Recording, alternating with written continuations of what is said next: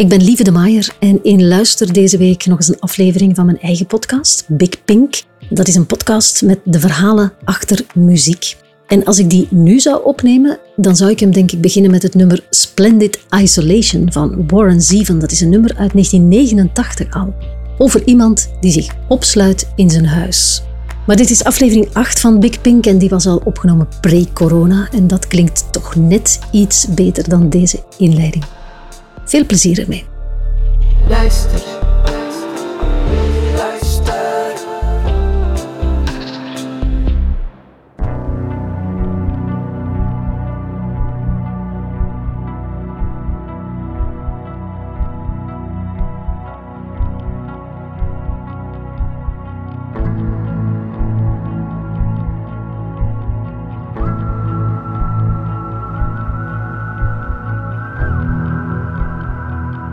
Welkom bij aflevering 8 van de Big Pink podcast.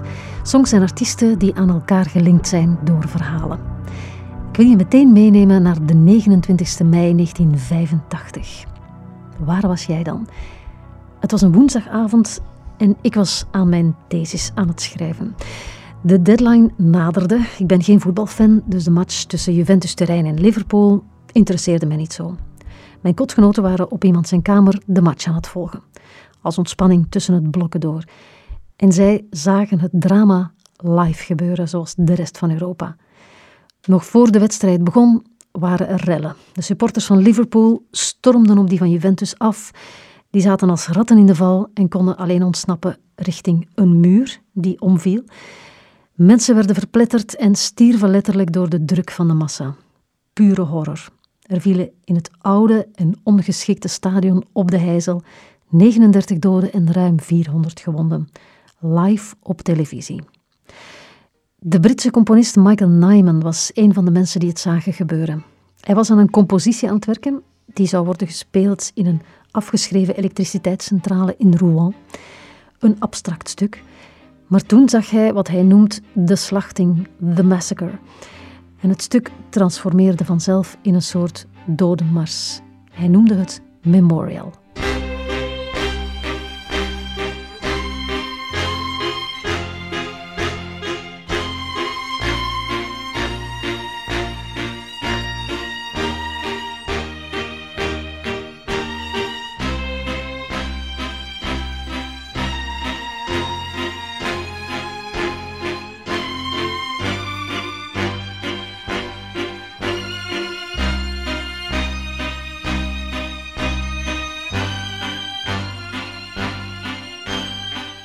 Memorial, geschreven naar aanleiding van het Heizeldrama in 1985. Vier jaar later vroeg Peter Greenaway aan Michael Nyman of hij nog iets had liggen voor een scène in zijn film The Cook, The Thief, His Wife and Her Lover. Nyman gaf hem Memorial, maar toen hij de scène zag, had hij daar meteen spijt van. Hij vond het een smakeloze scène. Het lichaam van The Lover, klaargemaakt door de cook, wordt door de vrouw opgediend en opgegeten door haar man, The Thief. Michael Nyman en Peter Greenaway hebben jaren samengewerkt en elkaar groot gemaakt eigenlijk ook, maar de relatie is verzuurd geraakt. Michael Nyman baseert zich voor zijn minimal music vaak op stukken uit de barok of ouder. En voor Memorial heeft hij inspiratie gehaald bij Henry Purcell bij de aria What Power Art Thou uit King Arthur geschreven in 1684.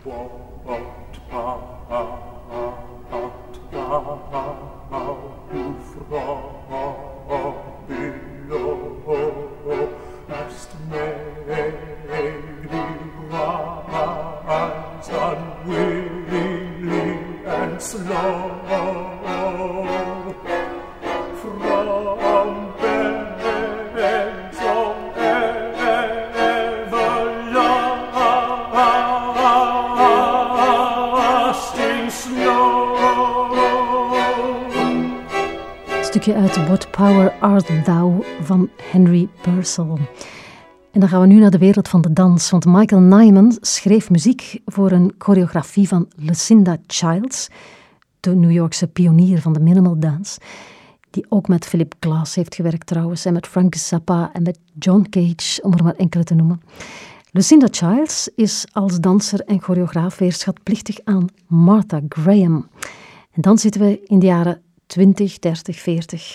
En aan Martha Graham heeft Madonna de titel van haar laatste album te danken. En dat is Madam X.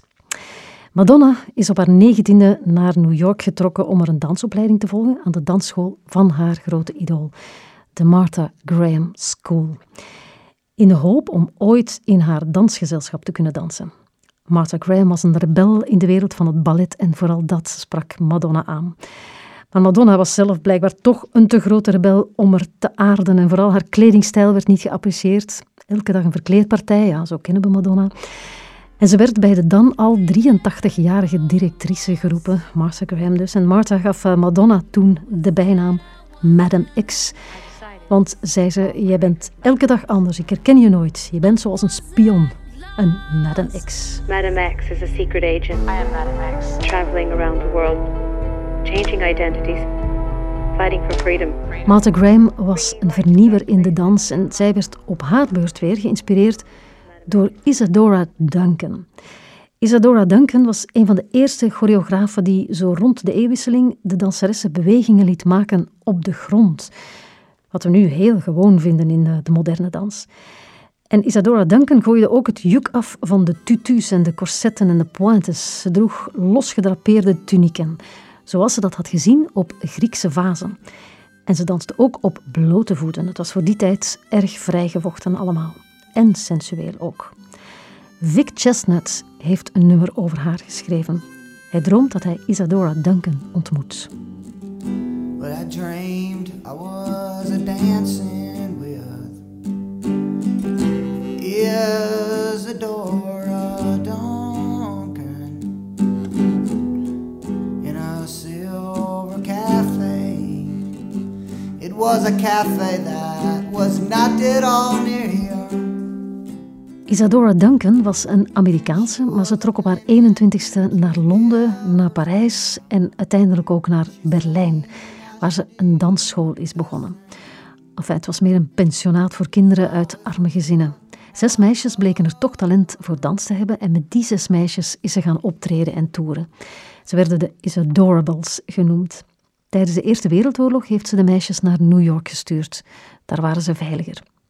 Ze heeft ze later ook officieel geadopteerd. Haar twee eigen kinderen waren heel jong nog, drie en zeven jaar oud, omgekomen in een auto-ongeval samen met hun oppas. De auto was in de Seine terechtgekomen.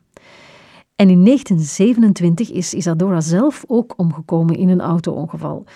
Een raar ongeval. Het was een open auto en ze had een zijden sjaal rond eh, haar nek die tussen de spaken van een wiel terecht is gekomen en haar nek heeft gebroken. Ze is begraven op het kerkhof Père Lachaise in Parijs, net als Jim Morrison. Before you slip into unconsciousness, I'd like to have another kiss, another flashing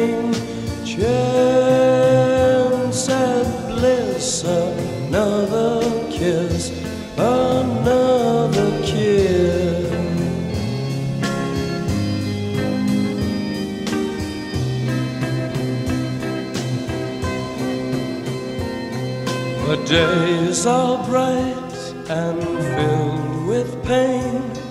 Enclose me in your gentle rain. The time you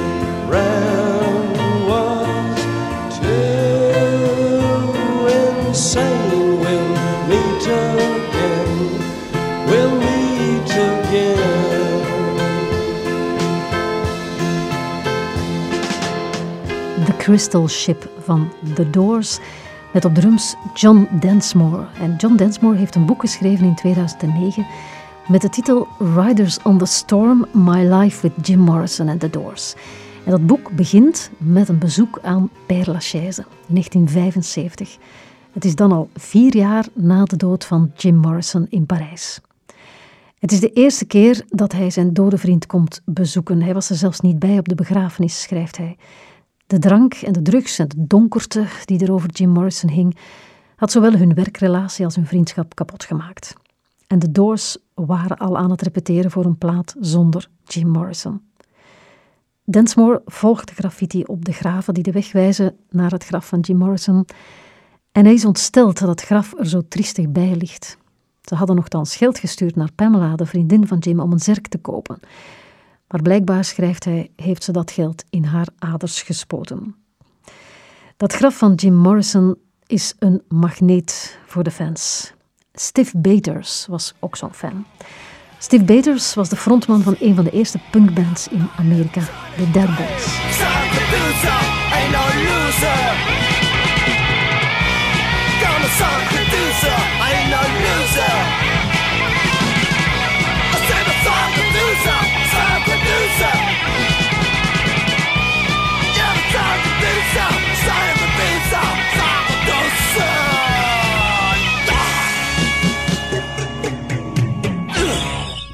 Op zijn veertigste werd Steve Baters in Parijs aangereden door een auto. Hij liep hersenschade op en is in zijn slaap overleden. Hij had altijd gezegd dat zijn assen over het graf van Jim Morrison moesten worden uitgestrooid. En zijn vriendin heeft die wens ingewilligd. Maar niet nadat ze eerst een deel van die assen heeft opgesnoven. Verhalen zat over Père Lachaise. Ik pik er nog één uit, want ook Gerda Taro ligt daar begraven.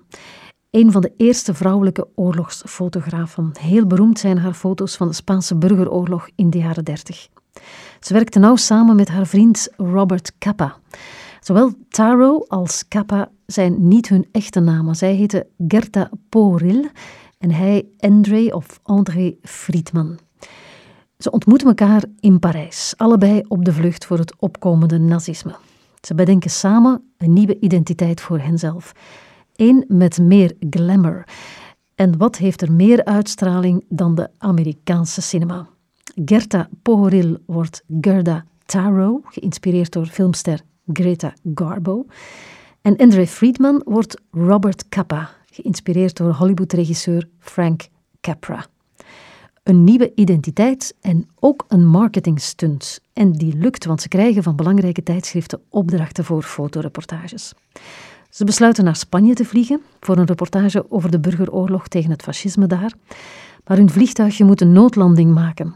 Als bij wonder zijn er alleen lichtgewonden. Ze zijn ervan overtuigd dat hen niets zal overkomen zolang ze samen blijven. Helaas.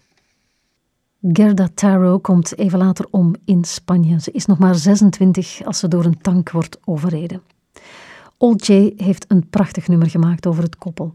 Het heet Taro, maar het is eigenlijk het relaas van de dood van Kappa. Die komt in 1954, 17 jaar na Gerda, ook om het leven in Vietnam.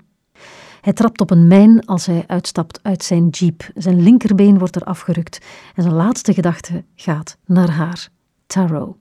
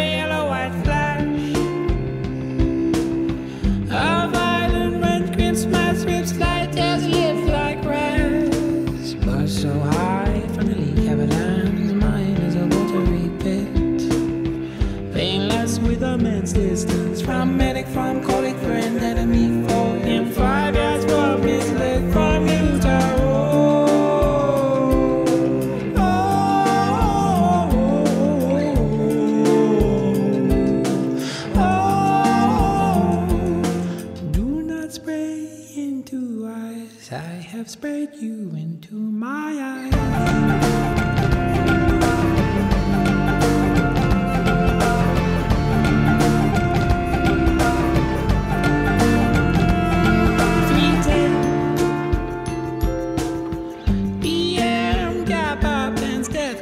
clouds rattle as chose. Oh, colors and cares glazed to grey, shriveled and stricken to dots.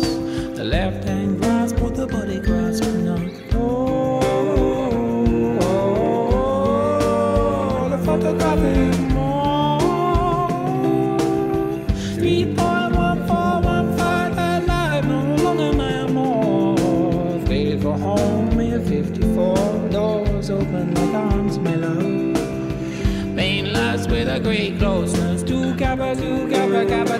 After nothing reunited with his neck and with you, Taro.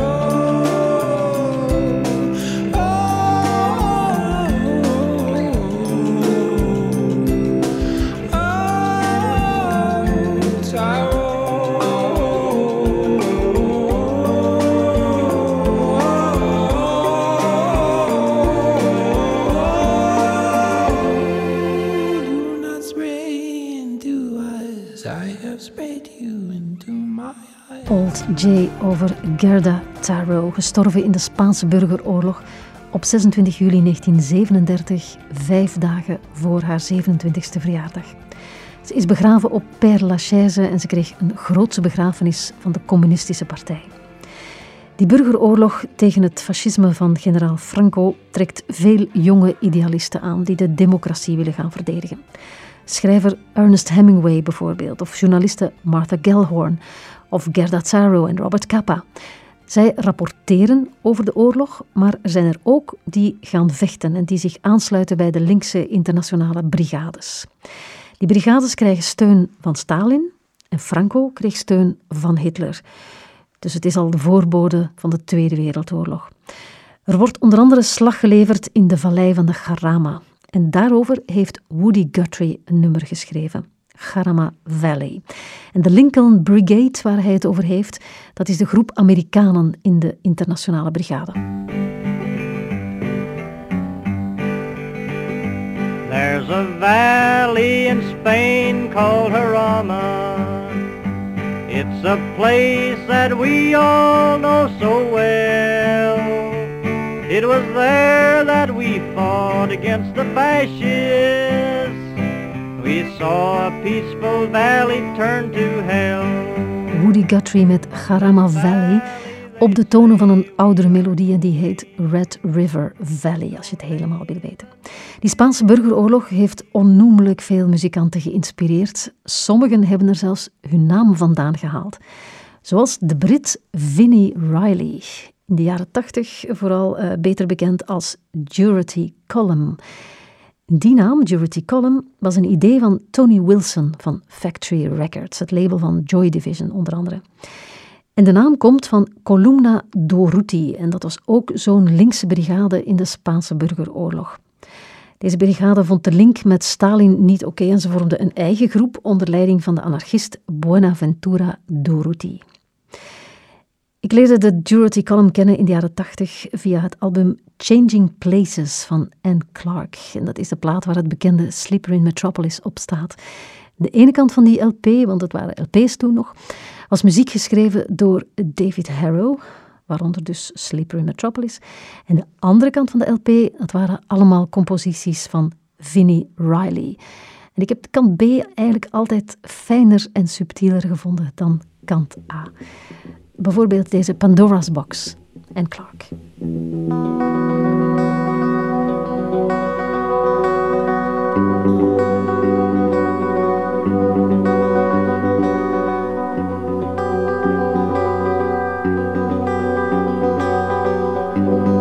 Love is a dangerous game to play with. A battle where only one side wins. A toy that is so easily broken. Rules that are only make believe. Loser a doll you once held so close, now left unguarded in a forgotten room. The winner, a cheat, whose mind's on other things.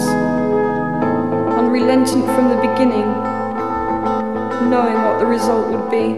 Anne Clark en Vinnie Riley in 1983. In 1989 bracht de Durity Column een album uit met als titel Vinnie Riley, om het gemakkelijk te maken. En daarop staat het nummer Otis met een sample van de stem van Otis Redding, jawel.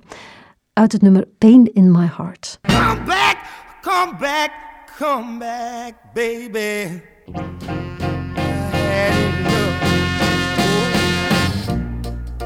A little pain in my heart just won't let me be. Wake up Maar het nummer had evengoed Tracy kunnen heten naar Tracy Chapman, want haar stem zit er eigenlijk nog prominenter in. Last night I heard the screaming, loud voices behind the wall. Another sleepless night for me, it won't do no good to call the police. Always come late if they come at all. Last night I heard the screaming, loud voices behind the wall. Een sample uit dit nummer Behind the Wall is dus terechtgekomen op het nummer Otis van The Durity Column.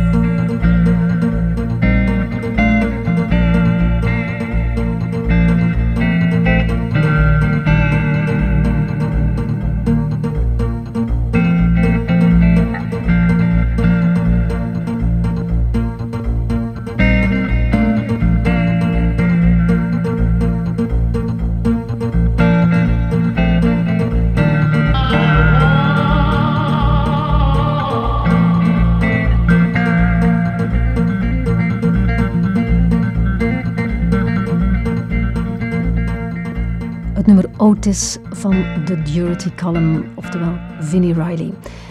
John Frusciante is een hele grote fan van het gitaarspel van Vinnie Riley. John Frusciante kennen we natuurlijk als de gitarist van de Red Hot Chili Peppers, wat hij heel lang was. Ik ben het meest fan eigenlijk van zijn soloplaten. En een nummer dat me altijd weer pakt is het nummer dat hij maakte samen met acteur River Phoenix. En jammer genoeg waren dat niet alleen vrienden, maar ook drug buddies. En zoals we weten is River Phoenix op amper 23-jarige leeftijd gestorven aan een overdosis. River Phoenix is of was de oudste broer van Joaquin Phoenix. En naast acteren was het zijn ambitie om het ook als muzikant te maken. En dat is niet zo gek, want als kind zong hij al samen met zijn ouders op straat. En ze hebben een ongewone kindertijd gehad, om het met een understatement te zeggen. Zijn moeder en vader hadden elkaar ontmoet toen zij aan het liften was naar Californië en hij haar oppikte met zijn Volkswagen. Het waren de hoogdagen van de hippies. Be sure to wear some flowers in your hair. En ze zijn dan rond gaan trekken en lid geworden van een religieuze secte, The Children of God. En als onderdeel van hun missiewerk zongen ze op straten en pleinen met hun gezin. Hun leven veranderde drastisch toen ze uit de secte stapten. Hun moeder als castingagent ging werken in Hollywood en de kinderen als acteurs werden ingezet. Luister. Zingen en spelen en muziek maken, dat is wat River ook wilde doen op de avond van zijn dood. Dat was op 30 oktober 1993 en River was naar The Viper Room getrokken, de club van Johnny Depp op Sunset Boulevard in LA. Dat was een soort van jam waar hij aan mee wilde doen. En op die avond is een cocktail van drugs hem fataal geworden. Hij is gestorven op het voetpad buiten aan de club.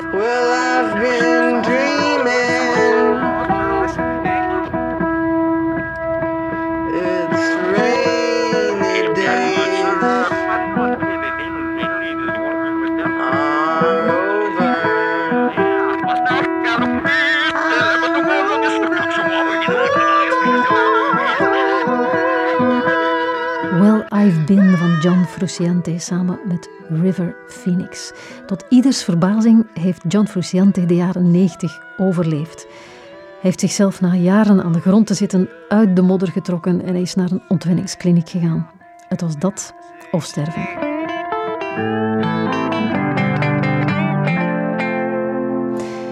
Oké, we zijn even een zijweg ingeslagen. Terug naar de hoofdweg, de Spaanse burgeroorlog. L. Stewart schreef daar zelfs twee nummers over. Het bekende On the Border in 1977 en ook Always the Cause in 1995. L. Stewart heeft in interviews gezegd dat hij graag over historische feiten zingt, helemaal in de traditie van de oeroude volksliederen, namelijk het doorvertellen van en het rapporteren over wat er gebeurd is in de wereld. En dat heeft hij ook gedaan op zijn album Between the Wars, met allemaal nummers over de periode tussen de twee wereldoorlogen. En daarop staat het minder bekende, maar heel mooie Always the Cause.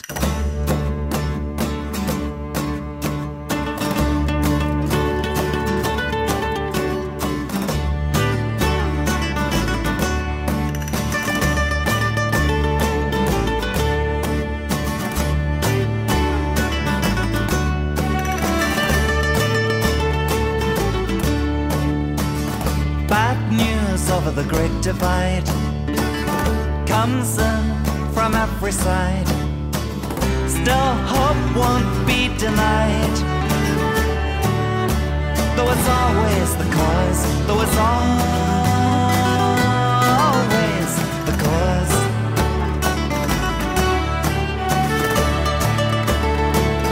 Always the Cause van L. Stewart, geproduceerd door Lawrence Juber, LJ voor de vrienden. Juber was de man die Paul McCartney in 1978 aannam toen hij een liedgitarist zocht voor zijn groep Wings. Juber was op dat moment een veelgevraagd sessiemuzikant. In 1977 vloog hij bijvoorbeeld voor een week naar Parijs om een album in te spelen voor Charles Aznavour. Je n'ai pas vu le temps passer. En daar gaan we nu naartoe. Charles Aznavour met een prachtig liefdeslied, met ook weer een historische achtergrond. En dit keer de vooravond van de Tweede Wereldoorlog. Avant la guerre heet het nummer. Ik vermoed, al is het niet helemaal historisch juist, dat hij hier zingt over zijn eerste huwelijk. Want ze waren nog heel jong toen ze trouwden. Charles was 20 jaar en zij was amper 16. Micheline heette ze. Ze trouwden net na de oorlog in 1946. Dus niet avant la guerre, maar après la guerre. Maar goed, dat is dichterlijke vrijheid zeker. J'avais vingt ans, une âme tendre, toi seize, avec tout à prendre. Quand je t'écrivais des poèmes où tout rimait avec je t'aime. Tu étais encore écolière, c'était un peu avant la guerre.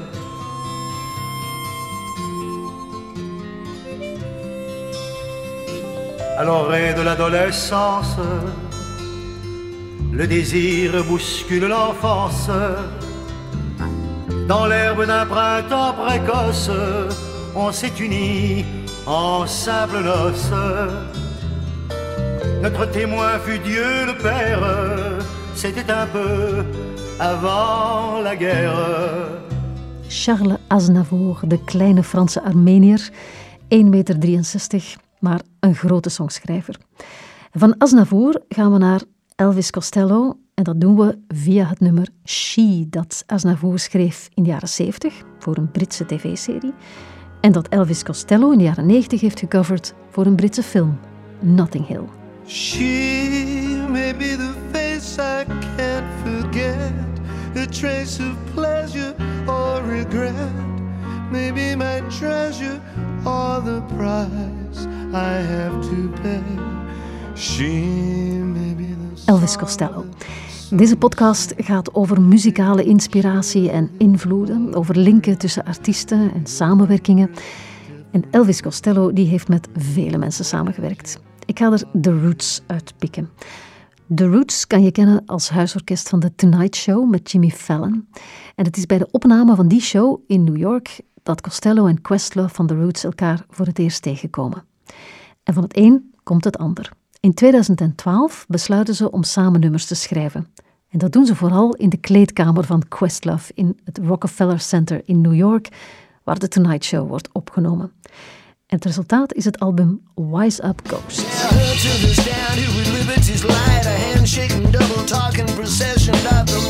her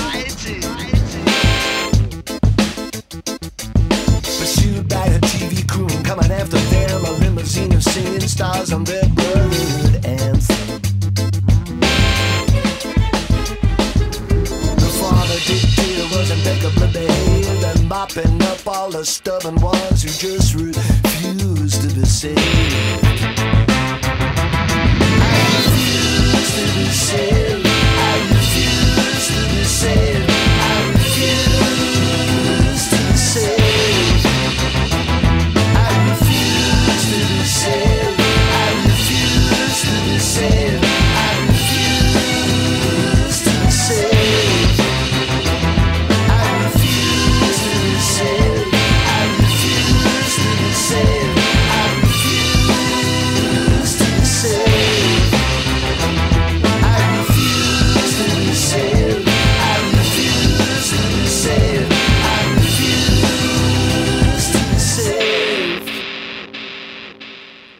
Elvis Costello samen met The Roots. Elvis Costello werkte ook mee aan de gelegenheidssupergroep genaamd The New Basement Tapes. En als luisteraar van Big Pink weet je denk ik wel wat de Basement Tapes zijn. Dat is een verzameling songs die Bob Dylan en de band opnamen in 1967 in de kelder van het roosgeschilderde huis The Big Pink. Dat huis stond en staat nog altijd in de buurt van Woodstock. En daar had Bob Dylan zich toen teruggetrokken met zijn jonge gezin. En met zijn muzikanten, die ook in de buurt woonden, is hij gaan jammen. Veel van de nummers die ze toen opnamen zijn in de jaren daarna officieus uitgekomen als bootleg. Maar Bob Dylan heeft in die periode ook veel teksten geschreven waar nog geen muziek bij was gemaakt. En die zaten ergens in een doos en zijn 45 jaar later terug boven water gekomen.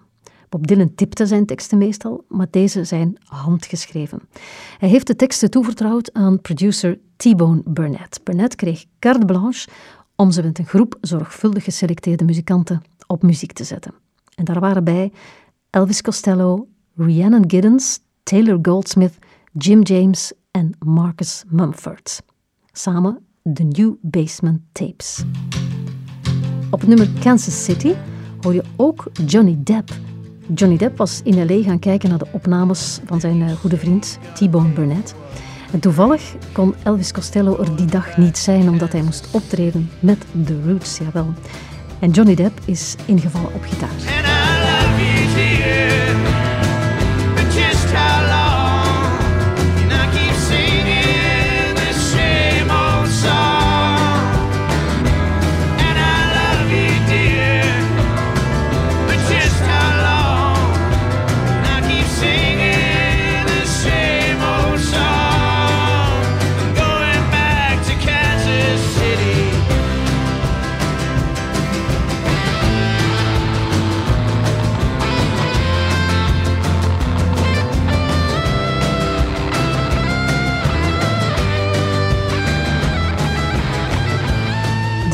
Basement Tapes met Kansas City. Met zang van Marcus Mumford van Mumford Sons en met Johnny Depp op gitaar. Johnny Depp kennen we als acteur natuurlijk, maar hij is eigenlijk een gemankeerde muzikant. Zijn eerste bandje heette trouwens The Kids, waarmee hij toch ooit het voorprogramma van de Ramones en Iggy Pop heeft mogen spelen. En sindsdien grijpt hij elke kans om te kunnen spelen. Soms in groepjes die hij zelf opricht, soms op soundtracks van de films waar hij in speelt en soms in een tijdelijke samenwerking, bijvoorbeeld met Patti Smith. In 2011 is eh, Patti op bezoek op de set van de film The Rum Diary. Ze heeft een idee voor een song, maar ze heeft geen tape recorder bij de hand en ze vraagt aan Johnny Depp om het even op te nemen, zodat ze het niet zou vergeten. Dat doet hij en hij stuurt haar nadien de tape op, maar hij zet er ook wat gitaar bij. En dat is de basis geworden van het nummer Banga op het album met diezelfde titel. Als dank schrijft zij een nummer over hem op datzelfde album te vinden. En dat is het nummer Nine. Een nummer met een prachtige tekst. Nine of diamonds A woman lay and cry At the sister of mercy On the Sabbath day. Night nine of diamonds as revelers commence to shiver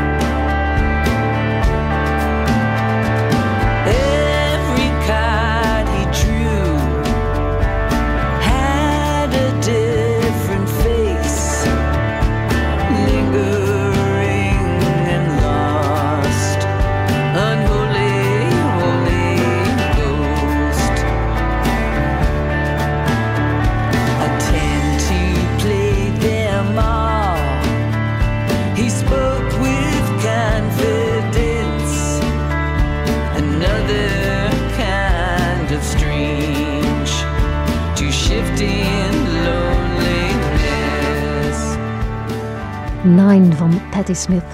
Met een kleine omweg dus gelinkt aan de film The Rum Diary. The Rum Diary is de verfilming van een roman van de legendarische journalist en schrijver Hunter S. Thompson. Een mentor en een goede vriend ook voor Johnny Depp. Over Hunter S. Thompson is veel te vertellen, maar ik ga het bij één treffende anekdote houden. In 2005 maakt hij zelf een einde aan zijn leven. Hij is dan 67. En zijn begrafenis klopte helemaal met wie hij was. Hij is in intieme kring begraven, met acteurs Bill Murray, Jack Nicholson en Johnny Depp erbij. Maar zoals ze in het Engels zeggen, he went out with a bang. Zijn assen zijn met een kanon de lucht ingeschoten, dat wilde hij ook. Er was vuurwerk, er was rockmuziek en er was veel drank.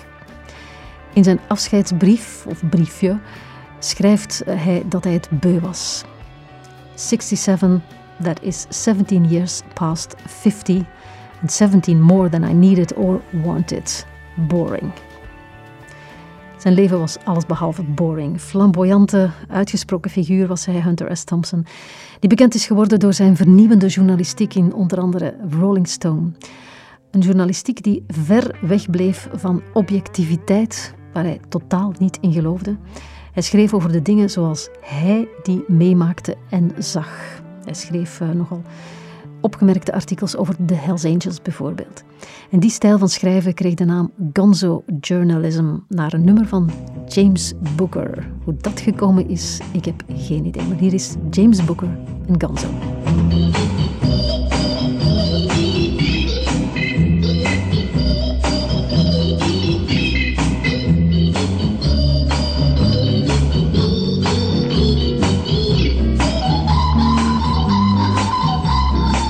Zo kunnen ook wij er met een knal een eind aan maken. En bedoel ik aan deze aflevering van de Big Pink, nummer 8 al. En ik wil er ook nog aan toevoegen dat Big Pink deel uitmaakt van het podcastgezelschap Luister. Allemaal fijne Nederlandstalige verhalende podcasts. Zoals Relaas of Studio Brein of Plantrekkers, om er maar enkele te noemen. Veel plezier ermee en heel graag tot de volgende Big Pink. Nummer 9 zijn we dan. Luister. Hopelijk heb je genoten van deze aflevering van Big Pink. Volgende week weer een nieuwe podcast op Luister. En als je zo lang niet kan wachten, dan kan je alles gaan grasduinen op luister.be. Dat is een verzameling van Nederlandstalige podcasts met de klemtoon op verhalen. Graag tot de volgende keer. Luister.